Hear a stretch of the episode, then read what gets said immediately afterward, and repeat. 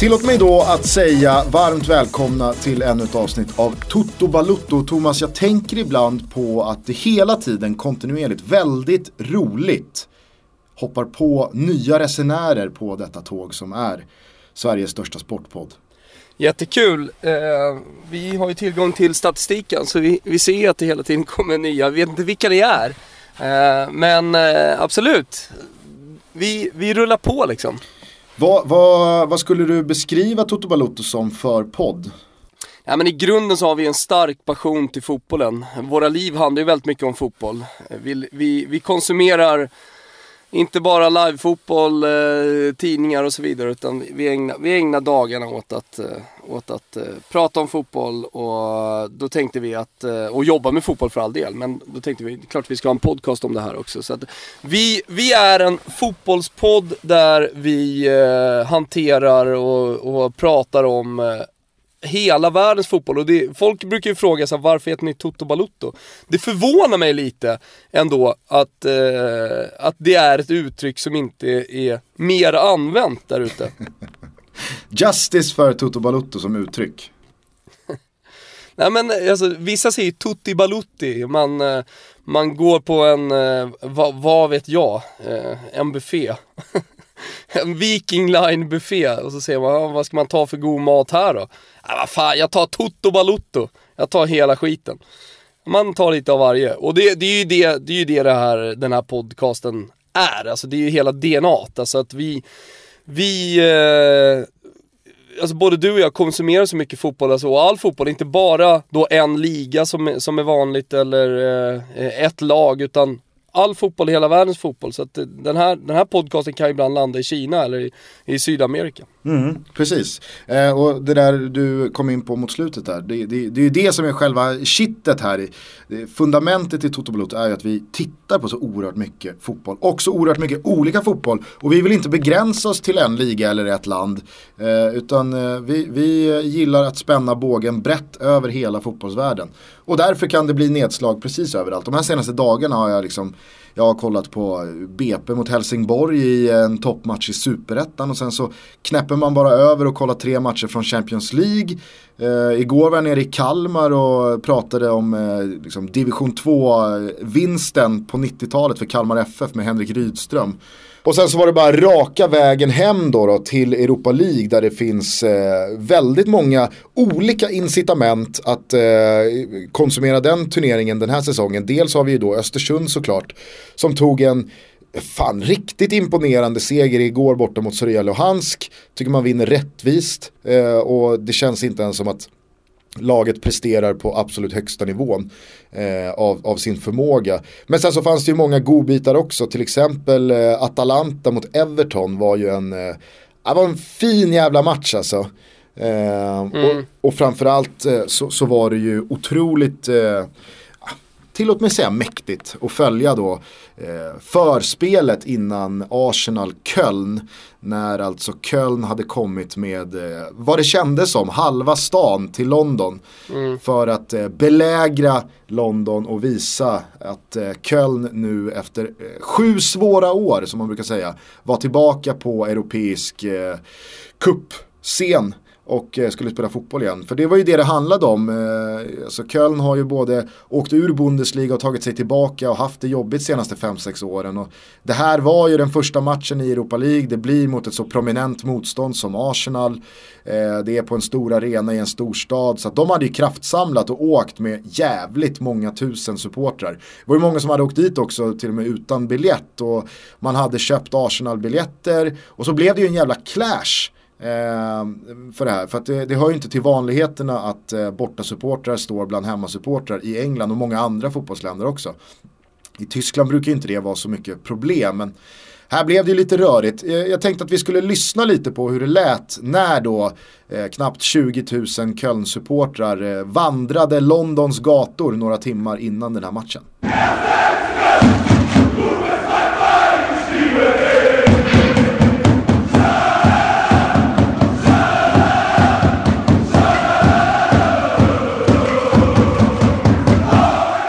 Ja, det är ju rysningar på det där. Jag antar att du nåddes av eh, både bilderna och eh, sångerna och, och mm. det, det, det, som för sig gick både utanför och på Emirates ja. igår. Ja, ja. Eh, såklart jag gjorde det. Alltså det, det Köln-supporterna hade gjort eh, eftersom eh, Londonpolisen och Arsenal hade gått ut och sagt att eh, tyskarna inte kom in på de vanliga sektionerna utan eh, det var bara på borta sektionen som, vadå, var begränsat till 3000 pers, knappa 3000 pers.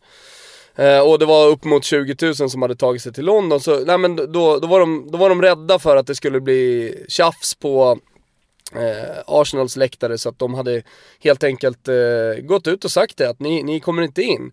Men eh, då hade de köpt istället då Arsenal-tröjor och jag menar såhär, fan då gör man ju ändå, då sträcker man ju ut handen och säger så här, ja men vi har fattat, vi, vi ska inte sitta där och heja på Köln, eh, på, eh, ja, men på, på Arsenals läktare.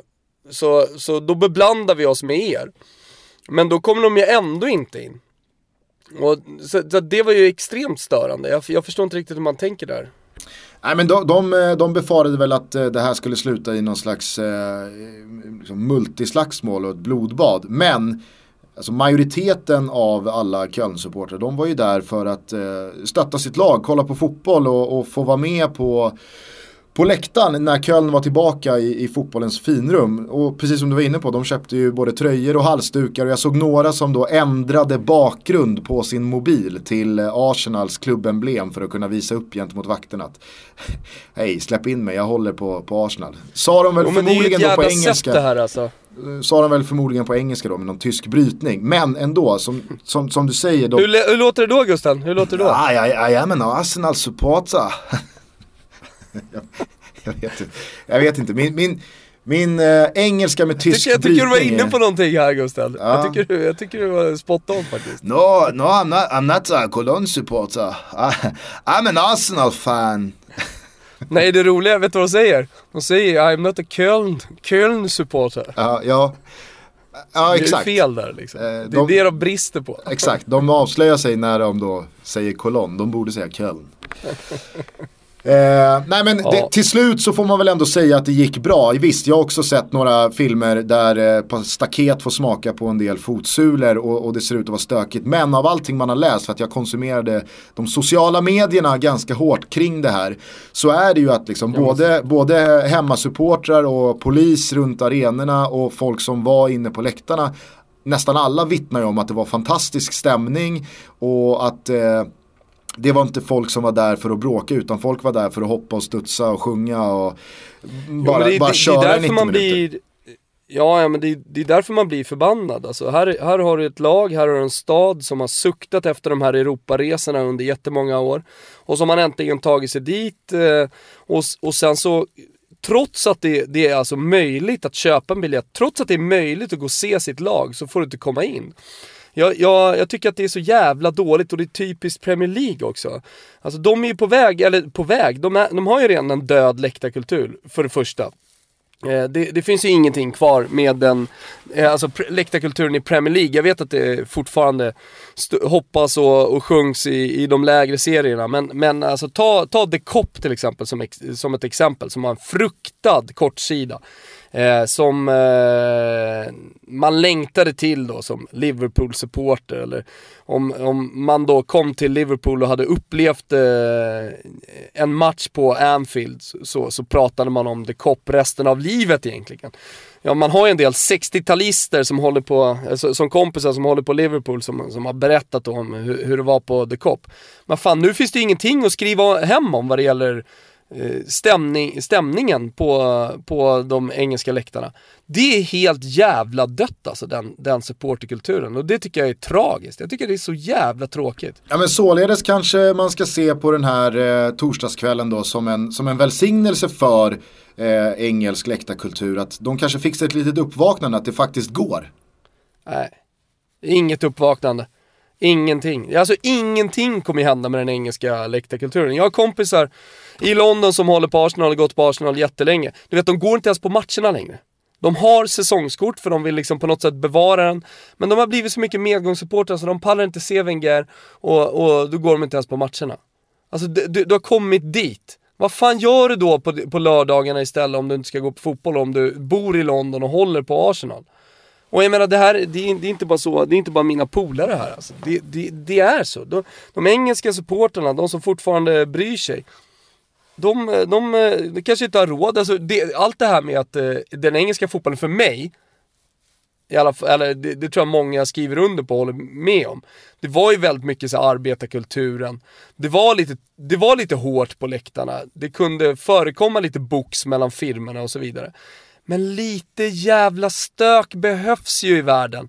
När ska man alla få utlopp för sina aggressioner? Ja, men då, då, då går man på puben och sänker någon där eller bråkar. Låt folk få stöka lite kring fotbollen. Alltså, någon, det, det går inte, vi kan inte ha nolltolerans kring fotbollen. Jag tycker inte det. Nej. Och jag menar så här, nu, nu har man ändå kommit till bukt med att man inte gör no alltså att man inte stökar inne på, eh, på arenorna. Visst, det var en Djurgårdssupporter som sprang och ryckte ner en AIK-banderoll. Ja, men det var väl inte hela världen. Men överlag så är det ju tryggt och lugnt på arenorna. Och inte minst i Premier League, de kan identifiera vem som helst. Eh, de, de har ju kameror överallt. Så att ingen kommer liksom undan och straffen är stenhårda. Är du med? Men fan, kom igen, släpp upp det lite, låt folk få stöka lite. Ja men eh, jag, jag, tänker ju också här nu direkt på när eh, Manchester City avgjorde sent in på övertiden mot Bournemouth för två, tre veckor sedan. Eh, Raheem Sterling var det väl som skickade in 2-1 i 97 och Manchester City då firar eh, ute vid hörnflaggan, springer mot sin, eh, minst, mot sin bortasvans av supportrar och en kille då hoppar in på på eh, planen och firar med klungan och tre, fyra poliser går ju så satans hårt åt honom. Att Kun Agüero kliver ju fram och sliter i en polis och bara så här lugna dig. Alltså, ja. softa för fan med batongen och med greppen här. Det var alltså, väl säkerhetspersonal i och för sig. Men säkerhetspersonal ja, var det dock. Men, men, ja. men, men, det är ju samma sak där att visst, eh, man kanske inte ska, man kanske inte ska eh, liksom, lyfta att supportrar hoppar över reklamskyltarna och firar med laget allt för mycket. Jo, det, det, är precis vad vi ska lyfta. Fast, det är fan precis vad vi ska göra. Ja, men alltså så här, det, det, blir ju givetvis också ohållbart ifall man ska välkomna det. För då kommer det ju bli så hela tiden. Eh, och så kommer det ju, liksom, det, det kommer ju baktända jo, och så blir det, ett, ett större problem. Återigen, men, så, men, men du, återigen så finns det nyanser i allt. Absolut, och det är det jag menar att herregud, när jag då tillsammans med antagligen miljoner människor runt om i världen sitter och konsumerar Premier League och tittar på det här genom tvn. Då vill du ju se, du vill ju se att den här supporten hoppar in, får fira med laget, Kun Agüero daskar honom på rumpan och sen hoppar han över reklamskylten igen upp på läktaren. Ja. Istället för att han åker på en sån jävla runda av tre säkerhetsvakter och blir utburen och åker på en avstängning på tio år. Det känns ju helt, det känns ju helt jävla Nej men det är orimligt. Sjukt. Ja, men det är orimligt. Fotbollen, sätter ju, fotbollen gör ju precis som de vill. Och på tal om då eh, liksom döda läktarkulturer. I Spanien så, så rensade man ju ut eh, på 90-talet bland alla ultras. Alla som är Real Madrid-supportrar känner ju till att de står ju på bargatan istället numera. Eh, de, de riktiga supporterna alltså, det har vi pratat om tidigare. Men jag var ju på Barcelona, Atletico Madrid, den matchen som Atletico Eh, som gjorde Atletico Madrid till mästare. Eh, de eh, spelade 1-1. David Villa gjorde mål bland annat. Eh, eh Diego Costa gick ut i 27 minuten skadad och tänkte man fan det här kommer inte gå. Men då hade alltså, då hade Atletico Madrid som hade möjligheter att vinna en titel. Då hade de tilldelats 500 plåtar på en arena som tar 90, eh, tar 100 000 nästan, 99 000 vad fan det är. Alltså det, det, det, det, det är en skam alltså det, man, man, pissar på de som är den här fotbollen, det vill säga, eh, som är fotbollen, det, det vill säga supporterna. Mm. Och, man, och det, det, det, är framförallt då de här, eh, låt oss säga liksom, rika lagen so, som gör det. Alltså Barcelona, Real Madrid, eh, du, du har egentligen hela Premier League som är på väg någon, alltså på väg säger jag för, för att det, det är inte slut här. Alltså för, för det kommer ju bara fortsätta den här utvecklingen. Vi pratade tidigare om utvecklingen med VAR, att, man, att du var lite rädd för vad som skulle hända. Är det någonting man ska vara rädd för inom fotbollen så är det ju att, att man eh, gör det svårare, man gör det dyrare och man ställer till det för supporterna mer och mer. Två saker avslutningsvis då. Det glädjer mig att höra att det tog dig eh, en knapp vecka i Italien eh, för dig att övergå från VAR till VAR. ja, just det. Eh, det är härligt. Jag tycker det tillför någonting att ja. du börjar, börjar kalla det för VAR när du hänger, hänger med spaggarna. Eh, men då bara som, som, som slutkläm så hoppas jag i alla fall, och någonting i mig vill också tro, att eh, Köln-supportrarnas invasion här av London, att de kom i så stort antal, tror jag ändå kommer tända en del Arsenal-supportrars eh, eld i bröstet och således få dem att kraftsamla till bortaresan då i returen mot Köln. Eh, det känns som att det kan bli någon slags, ja men nu ska vi visa dem att vi också kan komma med stora siffror eh, och åka till Tyskland och förmodligen ha en jävla rolig bortaresa. Sen får vi se hur många biljetter de får och hur många som kommer in på arenan för att det är ju satans tryck på Kölns hemmaplåtar. Eh, men, men, det vore i alla fall kul ifall det här leder fram till att Arsenal då svarar supportermässigt med att också åka med 8, 10, 12, 15 tusen personer. Kommer ju aldrig hända. Nej men jag kan väl i alla fall få hoppas. Ja, jo. Det är klart att vi kan hoppas, men det var som jag sa, läktarkulturen där borta i England, även om just borta supporterna där, där lever det väl kvar någonting fortfarande man gillar att åka tåg i, i England och, och det, det, finns ändå en hel del fina bortaföljen. Allting ska absolut inte slaktas men, men, eh, men man, man, kan, man kan faktiskt konstatera att den, ja, den engelska ska jag inte säga men, men läktarkulturen i Premier League den är död. Okej. Okay. Eh, jag vet alltså, inte. Och jag menar så här, folk, folk ska lyssna på det här. Ja men fan motbevisa då.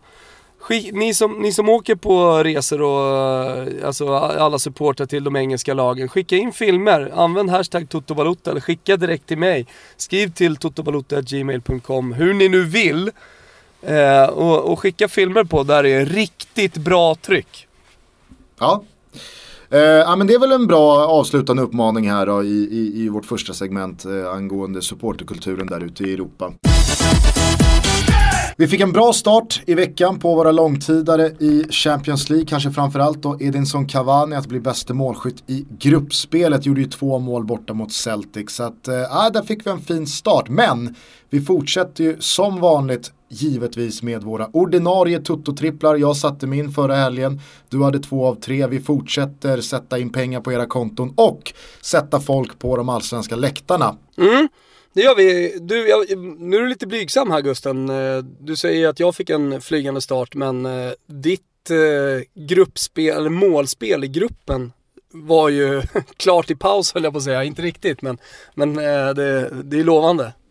Ja, absolut. Sen var det väl ingen raketforskning att tro att det skulle blir lite mål där mellan eh, Tottenham, Dortmund och Real. Madrid med en målsugen och spelsugen Ronaldo hemma mot Apoel. Men eh, absolut, eh, sju mål tar vi ju på ett bräde. Du, vad har du i helgen då? Kan inte du börja? Jag kan börja absolut. Jag tror på tre stycken hemmasegrar den här gången. Vi börjar eh, imorgon lördag eh, då Ipswich eh, tar sig an Bolton i Championship. Ehm, jag vet att eh, det kanske inte är jättemånga som följer Championship men ni ska veta detta att Bolton det är ett sorgligt bygge numera. Johan Mjällby lämnade för några år sedan och sedan dess har egentligen allting gått åt helvete. Han Man tog sig tillbaka till lämna. Championship. Ja, Exakt. Ehm, man var ju nere i League One, tog sig tillbaka till Championship till den här säsongen men man, eh, man ser inte ut att höra hemma där faktiskt. Ipswich å andra sidan började den här säsongen med fyra raka segrar. Haft det lite motigt på sistone men hemma mot Bolton så studsar man tillbaka på segerspåret. Det är jag övertygad om. Eh, sen så är det söndag och då möts Chelsea och Arsenal. Jag tror att Chelsea vinner den här matchen, inte bara för att jag tycker de spelare för spelare är ett mycket bättre lag än Arsenal, utan framförallt för att man fick en jävla behaglig resa i veckan. 6-0 mot Karabag, man kunde rotera lite, Eden Hazard är tillbaka, Morata fick vila i 90 och Arsenal spelade torsdag kväll eh, i ett eh, redan stormigt lag. Så att, att Chelsea vinner hemma på Stamford Bridge, det, det tror jag stenhårt på. Sen så avslutar vi i allsvenskan där jag tror att Malmö FF kommer att tysta alla tvivlare som har börjat tisslat och tasslat om att eh, de har någon slags guldfrossa. Nu möter man Hammarby hemma. Ett Bayern som jag tror har checkat ut lite från den här säsongen. AIK-matchen senast, det var liksom det sista stora som hände. Nu blev man bäst i stan och det räcker för dem. Man kommer inte vara i botten, man kommer inte vara med i toppen. Eh, Malmö å andra sidan har inte råd att tappa poäng igen. Man vill inte släppa Häcken eller Djurgården närmre utan man kommer nog med en nykontrakterad Rosenberg och Christiansen och Carlos Strandberg och grabbarna bara asfaltera Bayern. Jag tror att man vinner med två mål eller mer. Man får 8-25 på den här trippen, tycker jag är ett pang-odds. Har du rygg på den Gugge? Bra. Ja, Hur tänker om, du själv? Ja, vi får se om jag lyckas övertyga dig då. Eh, ja, föga förvånande hittar mina spel i Italien. Eh, det är ett Torino som jag tror på den här säsongen. Det är Torino som har vuxit in lite i den här nya kostymen. Eh, att ta upp jakten om eh, Europaplatser. Eh, jag tycker att de spelar bra fotboll och ja, men det, det, ser lite mer stabilt ut också bakåt. Det var ruggigt svajigt eh, förra året. Eh, så Torino hemma mot Samp i något slags eh, möte om, ja men eh, mitten toppositioner, alltså det man i Italien säger colonna sinistra, övre halvan. Och där tycker jag att Torino som singelspel ligger dryga 1,70. Det, det tycker jag helt klart är spelvärt, så den, den hittar in i min trippel. Eh, och sen så då, Lazio är ett lag som vi inte har pratat så jättemycket om. Eh, de hamnar precis alltid utanför topplagen. Eh, de har jättemycket fans i, eh, i Sverige. Hur det kommer sig vet jag inte, kanske en Svennis-effekt från 90-talet. Eh, men Lazio är i alla fall ett lag att räkna med i Serie A den här säsongen. Men nu spelade man en jättetuff match i Europa League på torsdagen. Som man till slut vann med 3-2, man fick slita rejält. Eh, och eh, jag tror att man studsar tillbaka lite grann i alla fall, eller studsar tillbaka, man, man eh, får en lite sämre match här eh, borta mot Genoa. Ett Genoa som jag också gillar och som framförallt är starka hemma. Där kan man få ett krysset till bra odds, eh, så den får också ta del, alltså Genoa ett kryss får också ta del, eh, i, eller får, får vara en del av min trippel. Och till slut så kan jag inte släppa mitt Bari. Ah, jag förlorade på dem förra veckan, men jag tror på dem. Jag har ju vunnit på Frossarna, Frossinone. Nu åker Bari dit eh, med ganska mycket tändvätska. Ett par spelare tillbaka i startelvan också. Eh, jag tycker att det är alldeles för lågt odds på Frossinone. Jag tror eh, helt klart att Bari kniper en poäng i det här förmodade toppmötet om vi blickar mot eh, sluttabellen i maj. Eh, ett, eh, ja, men för att vara Serie B, ett ganska stort möte och jag tror att båda lagen är ganska nöjda med kryss dessutom om det står 1-1 sådär fram i 70 minuten. Så att Bari kryss 2 får bli den sista delen av min trippel här. Mm, sex gånger fläsket får man på din trippel och alltså 8,25 på min. Ni hittar dem som vanligt. Ja, den ska hitta in. Ni hittar dem som vanligt eh, på Betsson.com under godbitar och boostade odds. Det är 148 kronor som gäller som insats. Ni screenshotar och hashtaggar in dem under Toto-trippen på Twitter så är ni med och tävlar om allsvenska matchbiljetter som kicker. Tack till Betsson. Det var ju tre stycken Östersundssupportrar som hade tagit sig till Ukraina och till Lviv. Eh, där mm. alltså Östersund... Patrik Ekwall sa tio. Nej men det var tre. Okay. Klassisk skarvning. Eh, drygt tre, 300 procent. ja, exakt, men fan han kom ju in i Discovery ny, han gjorde sitt första uppdrag, kanske lite nervös. Det är lätt att skarva upp. Jag vet inte om det var nerver eller vad det nu var, men eh, i, eh, i en av de första efter matchen intervjuerna Ekvall gjorde med Tom Pettersson så glömmer han ju vart de är någonstans i världen. Det var, det var väldigt roligt. Jag tror att det är Karin som, som släpper då till Ekvall som tar emot, står med Tom Pettersson och säger ja vi står här med Tom Pettersson efter Östersunds eh, 2-0-seger i, eh, ja vart är vi någonstans? Eller är det, är det så enkelt Gusten? Att han har samma geografi-skills som din tjej, Rebecka? Nej, nej, nej. Han har ingen aning om var han befinner sig, han bara satt sig på ett plan. Han, han vet inte. Ja, eller så är det... till öst, väst, söder, norr. Eller så är det där liksom the curse of Lviv. För att eh, det är ju väldigt många av, eh, det ska vi ju säga såklart, tragiska eh, anledningar eh, som får spela sina hemmamatcher i just då Lviv i Ukraina. Eh, att det, det, känns lite som eh, topp Europafotbollens eh, Skytteholm.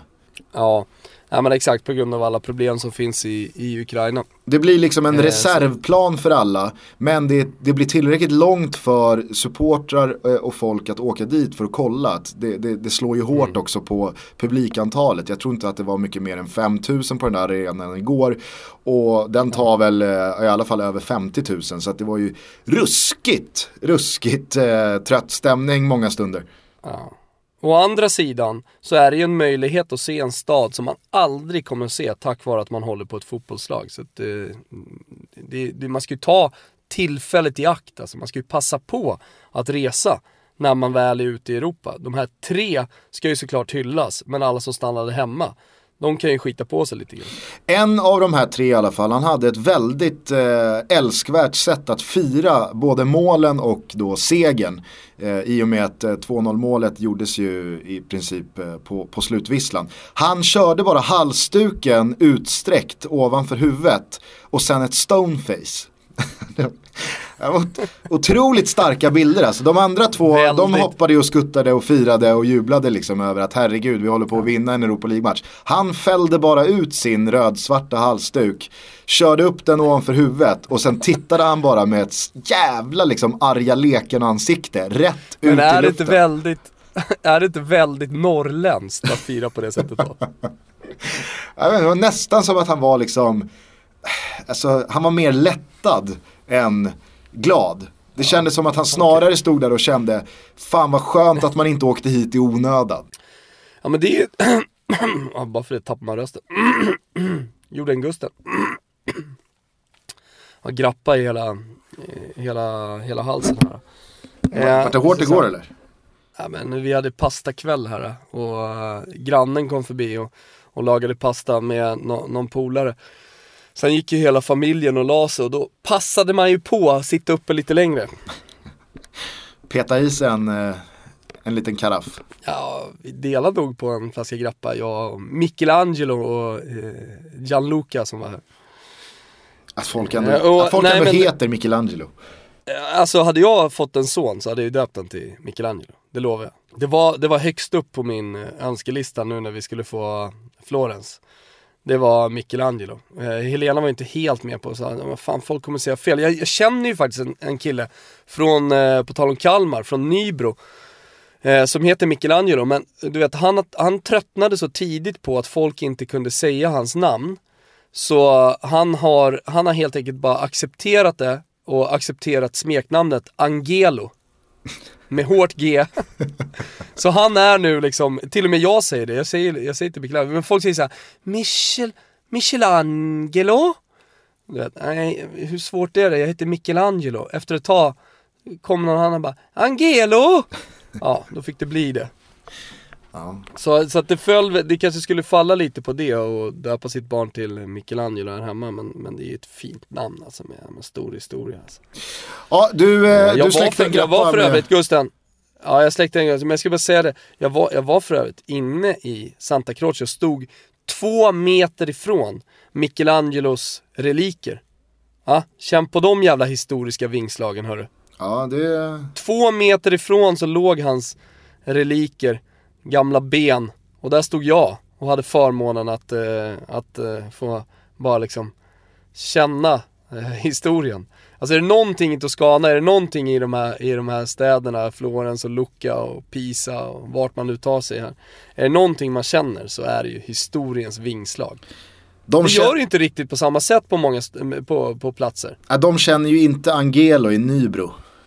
Nej, alltså jag tror inte han tänker så jävla ofta på Bonarotti liksom. Han tänker nog inte ofta på David-statyn, att någonstans så ville mina föräldrar, föräldrar ändå döpa mig efter den här stora konstnären som hämtade marmorblock i Carrara och tog längs eh, Arno eh, hela vägen till Florens och, och karvade ut. Eh, det, ja, det, jag tror inte han riktigt känner det. Men eh, det, det, det är helt underbart. Det sitter faktiskt nu, sitter nu, tittar ut här. Jag bor ju uppe på en kulle. Tittar ut över landskapet. Det är helt sjukt vackert. Någon gång kommer jag ju flytta hit. Alltså någon gång blir det ju Toto, Toto Balutto på heltid från Toscana. Ja, Jag tror inte att den dagen är nog inte så jävla långt borta heller. Ja, jag tror ändå det. Nej, fan jag, du vet varje, varje gång jag är här så, så känner jag att jag hatar Sverige. alltså vill bara vara kvar här. Jag känner ju hela vägen hem till Vasastan här att du sitter och längtar tillbaks till eh, bananen på klippan ute, ute i skärgården. Nej fy fan alltså. Nej fy fan. Eller till, eller till köerna i rusningen eh, på E4. Alltså jag, jag, gjorde faktiskt en, en sak igår, jag markerade mot eh, eh, krämen, hallonkrämen uppe på, på berget på landet. Jag markerade emot genom att beställa in fårhjärna till förrätt igår. Smakade skit visserligen alltså, men, men, men det kändes ändå bra. Bokstavligt talat var det bara att hacka i sig. Exakt, det var bara att hacka i sig. Du skulle... de har varit på komagen, man har varit på hjärnan. Vi får se vad det blir idag. Du skulle tillbaks till Europa League. Just det. Eh, Östersund. Eh, har du sett den här intervjun med, eh, vad han heter, Kindberg, Kindblom? Daniel Kindberg. Ja, Daniel Kindberg. Har du sett den här intervjun efter att man tog sig vidare från eh, kvalspelet in i gruppspelet av Europa League? När han säger att han ska vinna hela skiten. Ja, den har jag sett. Ja, vi kan lyssna lite på den bara. Då ska vi ta in Daniel Kindberg här, ÖFKs ordförande som, ja, vad känner du nu Daniel? Ja, det är ju liksom bubbel och glädje och det är fantastiskt. Det är ju en eufori som, som jag tror är svårslagbar. Det, det måste man säga. Det är väldigt svårt att slå det här. Precis, vi, vi kommer att gå vidare i gruppen. Eh, annars är det ingen idé vi är där och spela. Eh, så, så, vi kommer att spela det. Så det blir match här i februari också. Tänk dig ett spanskt lag som kommer hit 32 delsfinal i februari va. De kommer ju grina. Det kommer att bli fantastiskt. Eh, Europa League-gruppspel, 25 30 miljoner från Uefa. Pengar som betyder vad då för ÖFK just nu? Att vi snabbare och säkrare kommer att bli svenska mästare och vinna allsvenskan. Inom hur många år då? Ja, det, ja, det måste vi väl göra. Eh, om vi inte klarar det teoretiskt det här året så måste vi göra det. Ja, nästa år måste vi göra det. Annars blir det jättekonstigt. På vilket sätt då? Ja, men vi spelar ju fotboll för att vinna. Vi spelar ju liksom inte för att bli sjua. Det, det, det, är, det är ju ingenting att hålla på med. Alltså på ett sätt så är, är ju det här äh, ja, men lite hybris. Ja men det är klart så fan Östersund inte kan vinna. Men jag tänker också att det, här, det är det här som har gjort Östersund. Alltså det är ju Daniel Kindberg som, som har gjort att det finns någon, ja men ändå någon vinnarkultur i klubben. Som gör att man går in i de här matcherna mot Galatasaray, Panathinaikos, åker på långa borta matcher i Ukraina. Med en jävla stark tro att man ska ta det. Och det får en att fundera lite på så här, hur skapar man vinnarkultur? Eller jag funderade i alla fall lite på det. Alltså, jag menar, det, det finns ju många ordföranden, eller låt oss säga då sportchefer eller presidenter i klubbar som har haft hybris tidigare och satt upp alldeles för höga mål och så har det blivit platt fall istället. Man, man, eh, man sviker nästan supportrarna, man, man eh, leder in dem rent tankemässigt, alltså så att man, man får för stora förväntningar. Eh, och, och således slår då den här stora optimismen fel, snarare. Eh, men, men i det här fallet så har det ju, har det ju faktiskt funkat. Och jag undrar liksom så här, hur, hur gör Daniel Kindberg för att få ner den här vinnarmentaliteten som han sitter inne på? Via då sportchef, via tränare, hela vägen in i varenda jävla spelare som, som finns i Östersund. Hur, hur, hur gör man det? Finns det något recept för det här? Finns det något facit för hur man ska jobba? Det, det, är jag nog fel person att svara på. Det jag däremot kan konstatera är ju att det här bryter ju den eh, gyllene regeln eller sanningen som är etablerad om att eh, man, man kan liksom inte skapa vinnare på konstgjord väg utan vinnare blir man genom att vinna saker. Jag pratade med Rami Shaban förra veckan eh, om, om Arsenals trupp för att han var ju väldigt brydd kring då att Arsenal inte spelar Champions League, att man sitter i den situationen man gör med Özil och Alexis Sanchez framförallt eh, och att man, att man inte längre har som uttalat eh, mål med säsongen att man ska vinna utan att det handlar om topp 4 och att vi får se hur långt vi går mm. i de turneringarna vi spelar. Och då frågade jag honom så här, men hur, hur vänder man på det där? Alltså hur, hur skapar man en vinnarkultur i ett lag. Eh, för du tillhörde ju ändå ett Arsenal som, som vann mycket. Och då sa han, nej men det alltså finns... det är otroligt, han var ju han var en del av The Invincible-säsongen. Ja, absolut. Men, men, då sa han att, men då sa han att nej men det finns verkligen inga genvägar utan vinnare måste ha vunnit för att annars så tror man inte på det. Alltså, du kan inte ta in någon Absolut. i ett omklädningsrum som predikar om hur det är att vinna om inte den personen, om det nu är en spelare eller ledare, har vunnit. Det är, Har liksom, det, är det, det första och enda incitamentet i hur man får vinnare att smitta av sig. Och det är ju det många har pratat om eh, i klubbarna som har plockat in Zlatan. Att i Zlatan så får vi en vinnare för att han kommer med en sån självklar vinnarattityd att den smittar av sig. Och spelarna som sitter i samma omklädningsrum som Zlatan vet att den här killen har lyft 25, 28, 30 pokaler. Alltså någonting har han uppenbarligen gjort jävligt rätt i sin karriär och här kanske det finns någonting att anamma och lära sig av. Eh, men här måste man ju kanske då ifrågasätta Shabans tes som jag för övrigt inte tycker är på något sätt felaktig. Men Östersund och Daniel Kindberg visar ju nu att det går verkligen att skapa en vinnarmentalitet i en grupp som har noll erfarenhet från att vinna. Kom inte och dra eh, här att ja, men de vann ju division 1 eller de, de avancerade från superettan upp i allsvenskan. De har inte vunnit någonting förutom Svenska Kuppen i våras vilket gör att de har en biljett i säsongens Europa League. Men det är fortfarande spelare som är så fruktansvärt vinstovana att det här handlar ju om någonting annat. Det här handlar ju om det du är inne på. Att Kindberg har i någon slags perfekt mix av storhetsvansinne, hybris och en bergfast övertygelse och tro på att de är bättre än vad de egentligen är. Har fått hela truppen och laget och staden att ja, men verkligen tro på att de är vinnare. Ja, ja. Nej men jag, jag, ska erkänna det. Jag har ju själv suttit där hela sommaren och bara väntat på att det, det ska gå rätt åt helvete för Östersund, att de ska förlora. Och en, en liten del av mig, även om jag har lärt mig då av mina misstag, eh, det måste man ändå göra, eller hur Gusten? Ja, jag lärde mig av mina misstag eller vad man ska säga. Jag gjorde avkall på, på en slash här eh, tidigare i veckan. På när. Romas, Romas målvakt Allison eh, totalt eh, drog ner jalusierna på sin målbur mot Atletico Madrid. Och, ah, jag vet inte vad han gjorde för match alltså, men det slutade ju 0-0 på något jävla mirakulöst sätt. Och då var det ju bara liksom att lyfta på hatten och säga, ja kanske borde man backa här från kritiken gentemot eh, Alisson Becker och faktiskt eh, ge honom en ny chans. Jag tänkte faktiskt ge dig en schnitzel för just eh, den backningen vad det gäller Allison, eller alla då kanske som i, som i veckan som har, som, att backa, som har backat från en fullständig övertygelse kring en spelare, kring ett lag eller ett fenomen oavsett vad det är. Eh, och, och sen omfamnat då att man, att man har haft fel. För det är inte så jävla lätt och framförallt så är det inte i fotbollen eh, speciellt lätt. Alltså många, många står ju kvar man sitter kvar i sina båtar och så, så liksom seglar man vidare, man, hopp, man hoppar sällan av. Men det ska fan hyllas eh, att, eh, att eh, byta båt alltså. Det tycker jag verkligen. Hör jag, menar här nu här- mellan raderna att du är på väg ner i Östersundsbåten? Nej, fan fort, ja, alltså jag, jag sitter ju på ett sätt, det finns ju olika Östersundsbåtar Gusten. Alltså jag, jag har hoppat i eh, den båten som är imponerad eh, och som, som eh, låt oss säga liksom har redan tidigt slagit fast vid att Östersund är the real deal. Däremot så hoppar jag inte ner i någon vinna SM-guldbåt. Eh, alltså det, det kan du ju glömma.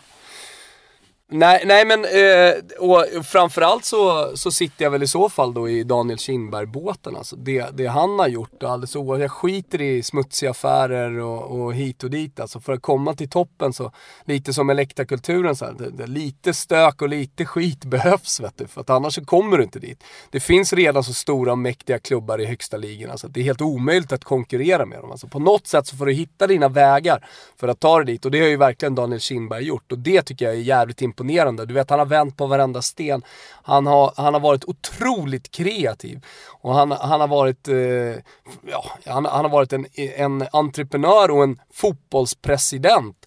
Eh, som man sällan ser i, i den svenska fotbollen. Alltså, jag, jag tycker att eh, Daniel Kindberg just nu är ju den mäktigaste snubben i, i, i hela den svenska fotbollen.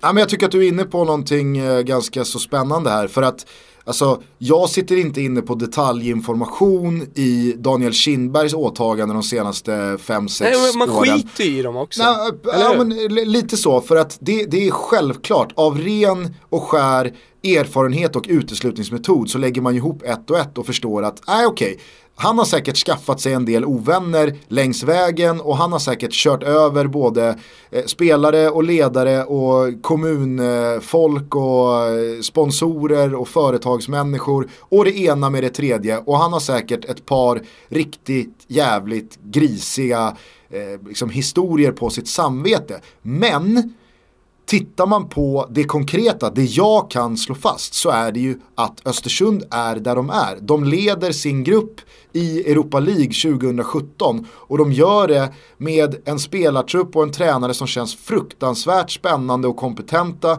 Man har lyckats transformera den här hybrisen och övertygelsen om att man är bäst i världen till att faktiskt få eh, resultat och att, att få utlopp för den. Och då, då blir det lite så här att å ena sidan och andra sidan, i ena vågskålen så ligger det här förmodade ryktet på stan, snacket man hör från folk att ah, men det är en jävla bulldozer som kör över människor och det är en riktig gris och eh, han har många sketchiga affärer på samvetet och så vidare. Ja, jag kanske inte kan, eh, jag, jag kanske inte kan liksom i, i en mening bara liksom vifta bort det och säga äh, vem bryr sig? Eh, det är väl klart att man ska, man ska ha respekt för eh, liksom alla som eh, längs, eh, längs vägen och de här åren har eh, tagit illa vid sig eller kanske på riktigt blivit jävligt illa behandlade. Men det man kan konstatera är ju att det ledde ju fram till det här. Och då måste man alldeles oavsett, för att mig veteligen så är inte Daniel Kindberg dömd för någonting. Det finns liksom inga bevis för att han har varit en helt jävla vidrig människa, utan hans metoder har skaffat honom en del ovänner. Finns det inga bevis för att det har varit en helt jävla vidrig människa? Finns det antydningar på att han har varit det eller?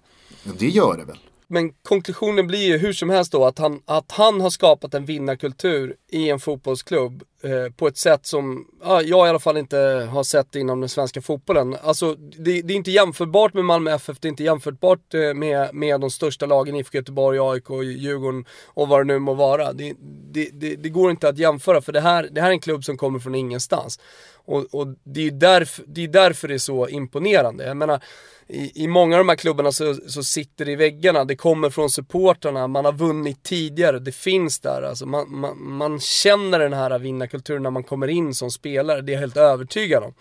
Eh, men i, för, i Östersunds fall så är det en liten klubb i ett skidsamhälle som inte har gjort någonting på fotbollsplanen som någon minns eh, i fotbollshistorien och som du säger leder sin Europa League-grupp och man pratar om att vinna SM-guld eh, i, i klubbhuset. Alltså det är, det är häftigt.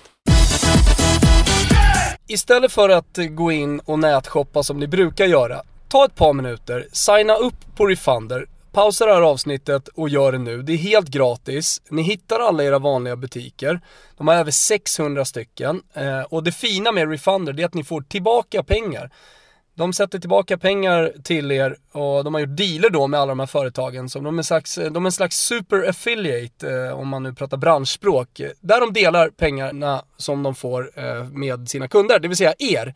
Eh, ni kanske är lite skeptiska och tänker, jaha vad fan är det här då? Jo men det är helt gratis. Ni går in på refunder.se slash så får ni dessutom 50 kronor på ert första köp, alltså 50 kronors eh, rabatt. Eh, bara för att ni är Toto Balotto-lyssnare. Det är väl liksom ingenting att vänta på, eller vad säger du Gugge? Nej, det tycker jag verkligen inte. Det är återbäring, det är 50 spänn på kontot vid första köpet och det är väldigt, väldigt smidigt och lätt att signa upp sig på refunder.se snedstreck Toto Balutto. Gör nu bara det här så blir vi Refunder och garanterat ni också väldigt glada. Ja, framförallt så tror jag att du och jag blir väldigt glada Gusten. Vi, vi vill ju att det här samarbetet ska flyga. Så var lite schyssta mot oss också. In på refunder.se slash totobalutto. Grand Frank är tillbaka i Toto Balutto-båten. Mm. Det är vi mm. väldigt glada för och de har verkligen tagit med sig en kanonkampanj med ner i den här ekan. Eh, de har en ny kollektion, jag var ute hos Grand Frank och Olof eh, i Sätra i veckan och tittade till de nya tröjorna, de nya skjortorna, de nya klockorna och bara kvalitetssäkrade att det var så bra som de hade utgett det för. Och jag, jag kan bara skriva under på det. Är, det är en riktig superkollektion som de numera har på grandfrank.com. Och för att då vara riktigt schyssta mot er Toto Balutto-lyssnare så har Topdog Olof kryddat den här nya kollektionen då med en kanonkampanj som lyder som följer. I eh, början på våren nästa år så har eh, Grand Frank abonnerat 10 platser tillsammans med oss till Hamburg. Vi ska åka dit, käka gott, ha det jävligt roligt men framförallt gå på HSV. Die Rotenhausen på Folkparkstadion och titta på Bundesliga-fotboll. Vad heter de, Och för att vara med och tävla, Hörru, vad heter Die? Rotenhausen. Die Rotenhausen. Nej, det är jätteroligt. De väl? Dirotosen. Dirotosen. Det låter nästan bättre med Rotenhausen. Okej, men du kör på Rotenhausen då. Vi ser vad Albin Ekdal säger om det. Han kommer ju, han kommer vi såklart få med på något litet hörn. Han är vårt lullull på den här resan. Ja men exakt. Så att eh, Albin slänger vi in som ett litet körsbär Han vet inte om det än, cocktailen. men han kommer bli varse. Han kommer bli varse. För att vara med och tävla om eh, biljetter till den här resan så är det väldigt enkla förutsättningar. Man går in på grandfrank.com, man klickar i en order som eh, går upp till eh, 1000 spänn eller mer.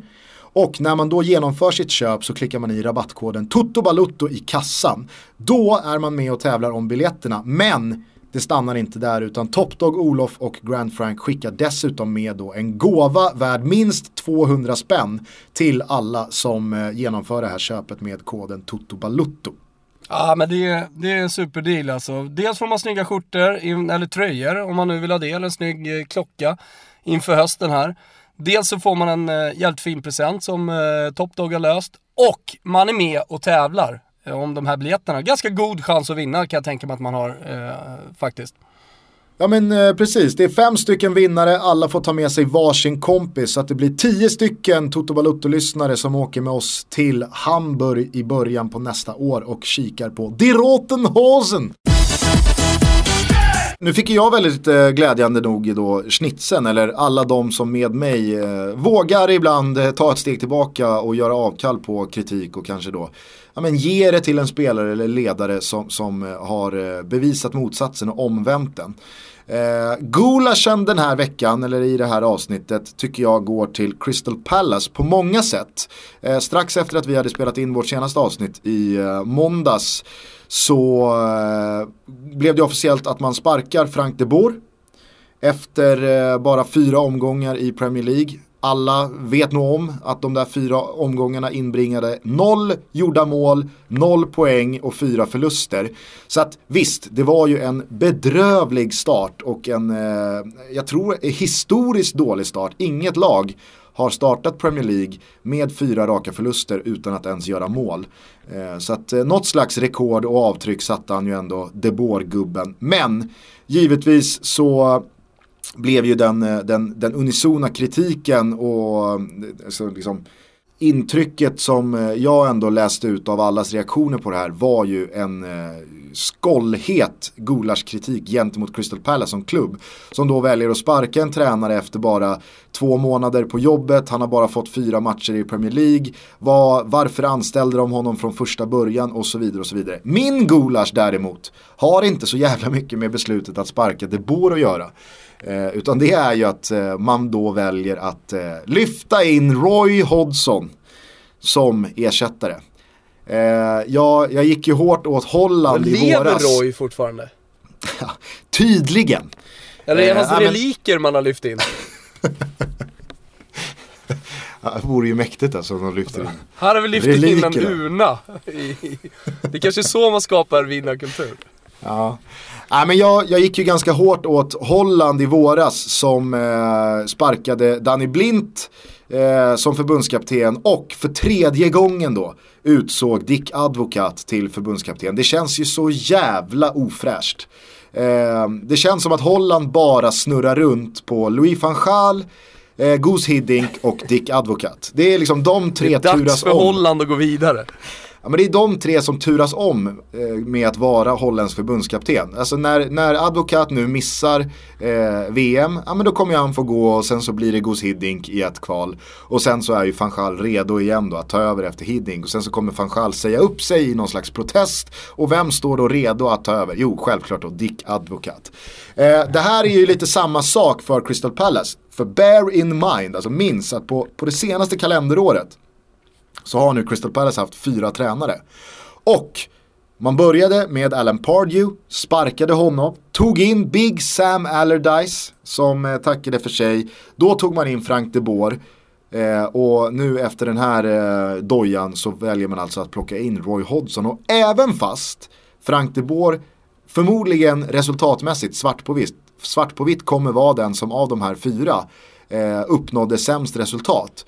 Så är ju han det enda fräscha alternativet som jag tycker Crystal Palace kan komma undan med som ett vettigt beslut. Alltså, man måste ändå kunna vara så pass nykter och titta i kalendern och se att ja ah, just det, det är faktiskt 2017.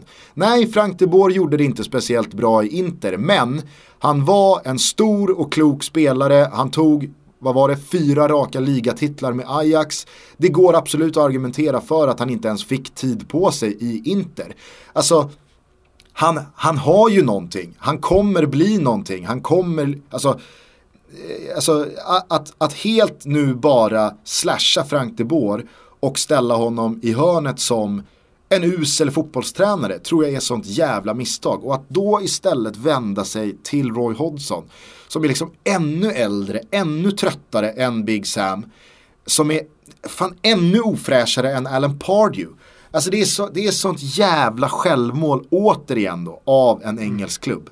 Ja det känns typiskt brittiskt, alltså det känns inte typiskt brittiskt att sparka tränare efter tre omgångar men men att på något sätt hitta tillbaka till någon slags trygghet och, och i det här fallet då ta in en, en, en, gammal coach. För det det handlar om nu, det Crystal Palace gör, det är ju att eh, försöka hänga kvar. Alltså man, man, man tänker att Roy Hodgson, han är good enough för att lösa ett kontrakt. Eh, om man då an, eh, inledde den här säsongen, återigen då med förväntningar från supportrarna, man inledde den här säsongen eh, med eh, någonting fräscht, någonting nytt. Jaha, Frank de Boer goda vitsord, skit i vad han har gjort i Inter, men fan vi i Crystal Palace, vi är på väg någonstans, vi, vi har en plan här. Då har man ju Exakt. gått tillbaka då, då har man ju verkligen gått tillbaka, man har skrotat den totalt. Alltså nu, det, det finns ingenting kvar av de förväntningarna utan nu, nu bara grabbar man tag i Premier League-båten som åker och bara försöker, försöker, försöker hålla sig fast så gott man kan i och med att man tar Roy Hodgson. Ja men och precis det du säger är ju det största jävla självmålet av alla. Att det finns ju ingen vision här. Alltså, här, för, försöker de lura i mig och alla andra att framtiden för Crystal Palace heter Roy Hodgson? Alltså, du undrar om mannen lever. Det säger allt. Han, han, ska, han ska inte få det här jobbet. Alltså, jag, jag, jag, kan, jag kan förstå klubbar och länder som i slutet av en säsong när det finns väldigt mycket att rädda men tiden är knapp och det är få matcher mm. kvar. Går till ett gammalt säkert kort.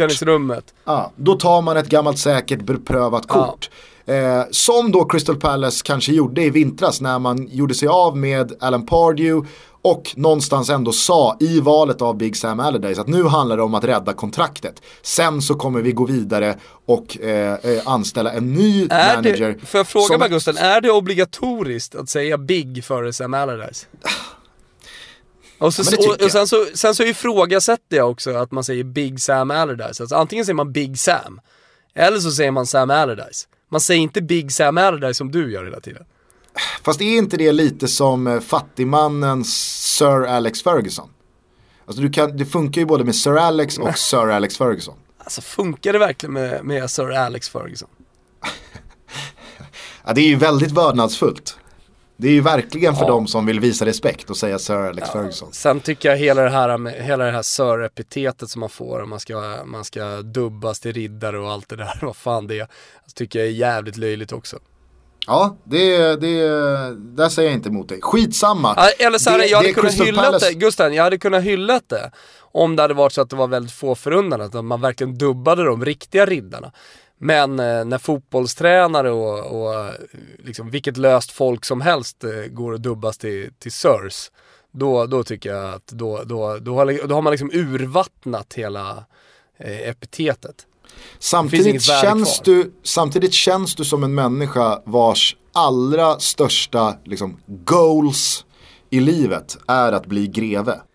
Jo, jo men det, det för, för mig, i, min, i mitt fall så är det ju rimligt. Alltså jag, jag kommer ju från en riktig adelsfamilj. Alltså den där smutsadeln som kungafamiljen i Sverige kommer ifrån, den, den, är, det är liksom, den, den har egentligen inget, inget värde. Det finns inget blått blod i de där ådrorna. Jag kommer ju från den riktiga adeln alltså. Prinsar och prinsessor på riktigt. Är du med? Ja. Alltså, det, det, det, det, var ju, det var zu Wildenstein von Wildbach, det var Habsburgsläktet, Alltså var Österreich eh, på riktigt på den tiden, alltså när, när, när vi dominerade i, i Europa.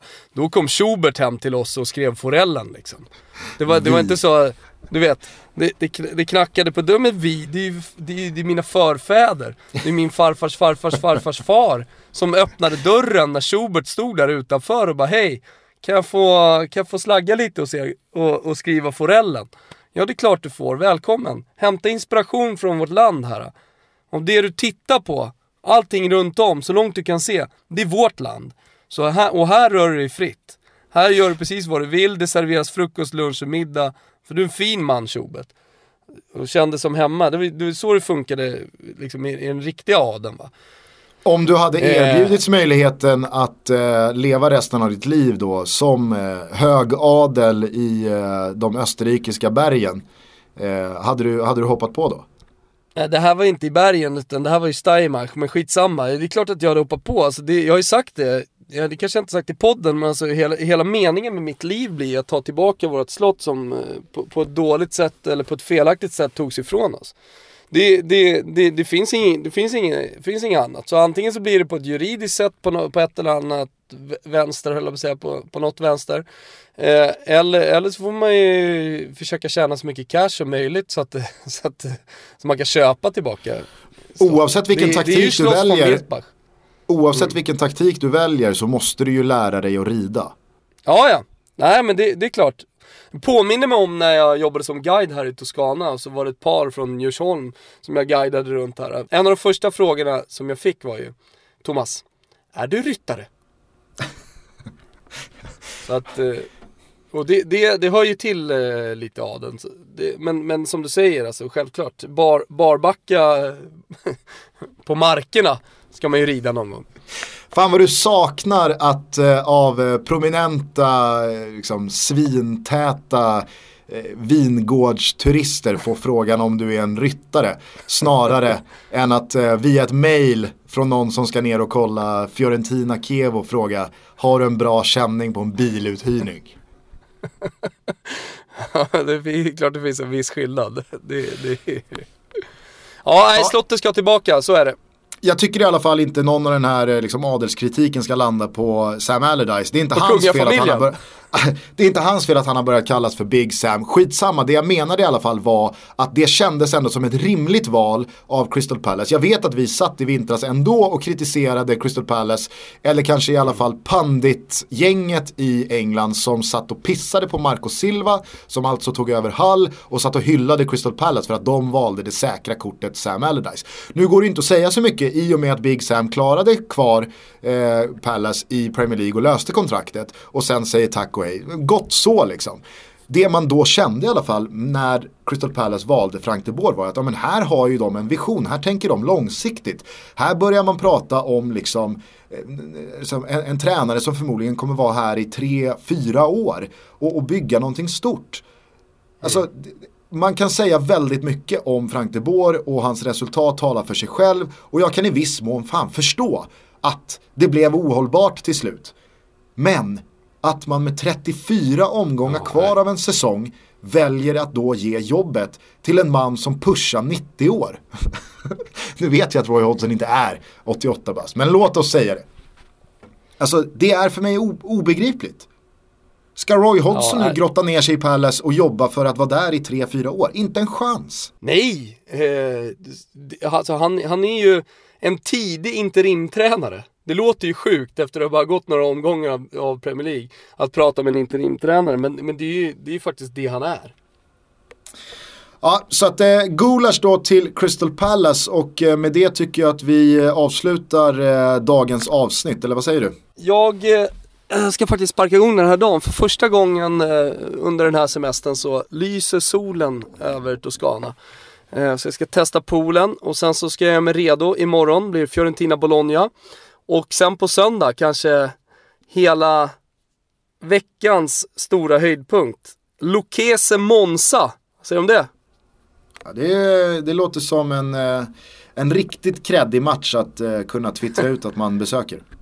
Ja, det ska, nu sa jag i och för sig i Sveriges största sportpodd, men det var, det var faktiskt inte meningen. Det är, det är så enkelt som att det är fem minuter till arenan därifrån vi bor. Och då kan man, om man gillar fotboll så kan man inte missa det. Men eh, eh, det ska bli kul att se Fiorentina igen. Eh, och i Apennin-derbyt mot Bologna, Fiorentina känns ju lite lynniga så här inledningen på säsongen. Började dåligt, vann mot Hellas borta med 5-0 vad fan har man då? Återigen då, varmt välkomna till alla som nyligen har hittat in i Toto Balutto-värmen. Det här är en podd som fortsätter rulla som den jävla bulldozer vi är. Vi är poddvärldens Daniel Kindberg. Och ni kan nå oss eh, med era tankar, åsikter eller bara glada tillrop eh, på eh, sociala medier. Vi heter Toto Balutto. Vi finns också på totobalutto.gmail.com. Missa nu inte helgens Toto-tripplar. Missa inte erbjudandet som vi har tillsammans med Grand Frank där vi alltså tävlar ut en Tysklandsresa. Och signa upp er på refunder.se totobalutto. Vi hörs i början på nästa vecka. Du ska komma hem från Italien. Det ska spelas en jävla massa fotboll i helgen återigen. Och vi ska njuta av att vi eh, fan mig lever. Ja, det kanske vi ska göra. Eh, sen eh, undrar jag Gusten, är det, får jag avsluta med en låt eller är det, är det återigen kört där? Nej, nej, för fan. Idag får du chansen. Idag får jag chansen. Ja men då, då kör vi då, bara för att jag är i Italien med Gente della Notte. Vet du vem som sjunger? Nej. Giovanotti. Ja såklart. Mm. Såklart. Känn på det här hörni och njut av eh, helgen, njut av eh, den här fredagen. Hälsa Michelangelos reliker och eh, alla ni då som vill ha upprättelse för den brittiska supporterkulturen eller Premier Leagues läktarkultur kanske framförallt. Skicka in era motbud i hashtaggen Totobalutto. Så kanske vi eh, gör som jag gjorde med Allison. Att man då faktiskt tar av sig mössan, tar den i handen och backar och säger ja, men kanske finns det någonting där ändå. Mm. Nej men det är någonting som alla borde göra någon gång ibland. Ta ett steg tillbaka och sen faktiskt erkänna att, att man har haft fel eller att man har eh, varit på väg åt, åt eh, i, i, fel riktning i sina argument. Eh, det, det tycker jag alla ska ta med sig in i den här helgen. Nu säger vi ciao tutti! Ciao tutti! La notte più bella. Si vive meglio. Per chi fino alle 5 non conosce Sbadiglio, la città riprende fiato e sembra che dorma e il buio la trasforma e gli cambia forma. E tutto è più tranquillo, tutto è vicino e non esiste traffico, non c'è casino. Almeno quello brutto, quello che stressa. La gente della notte è sempre la stessa, ci si conosce tutti, come in un paese. Sempre le stesse facce, mese dopo mese. Il giorno cambia leggi, e cambia governi, e passano le estati, passano gli inverni la gente della notte sopravvive sempre, nascosta nei locali, confusa tra le ombre. Se... Oh yeah.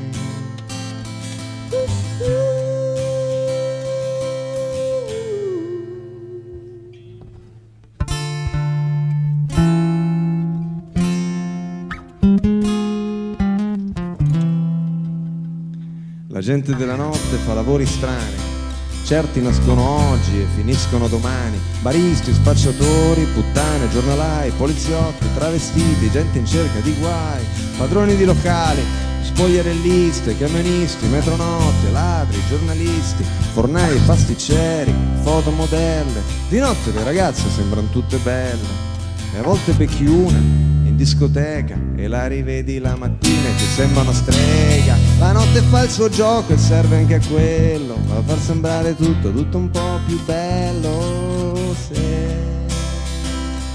Oh yeah, ta-na-na, ta-na-na.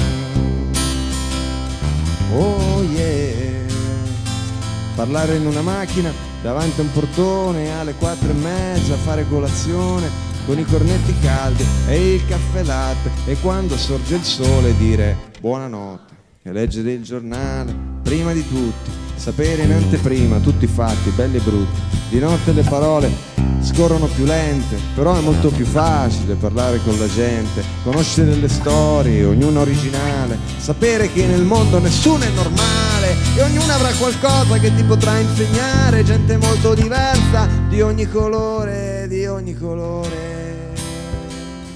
Oh yeah.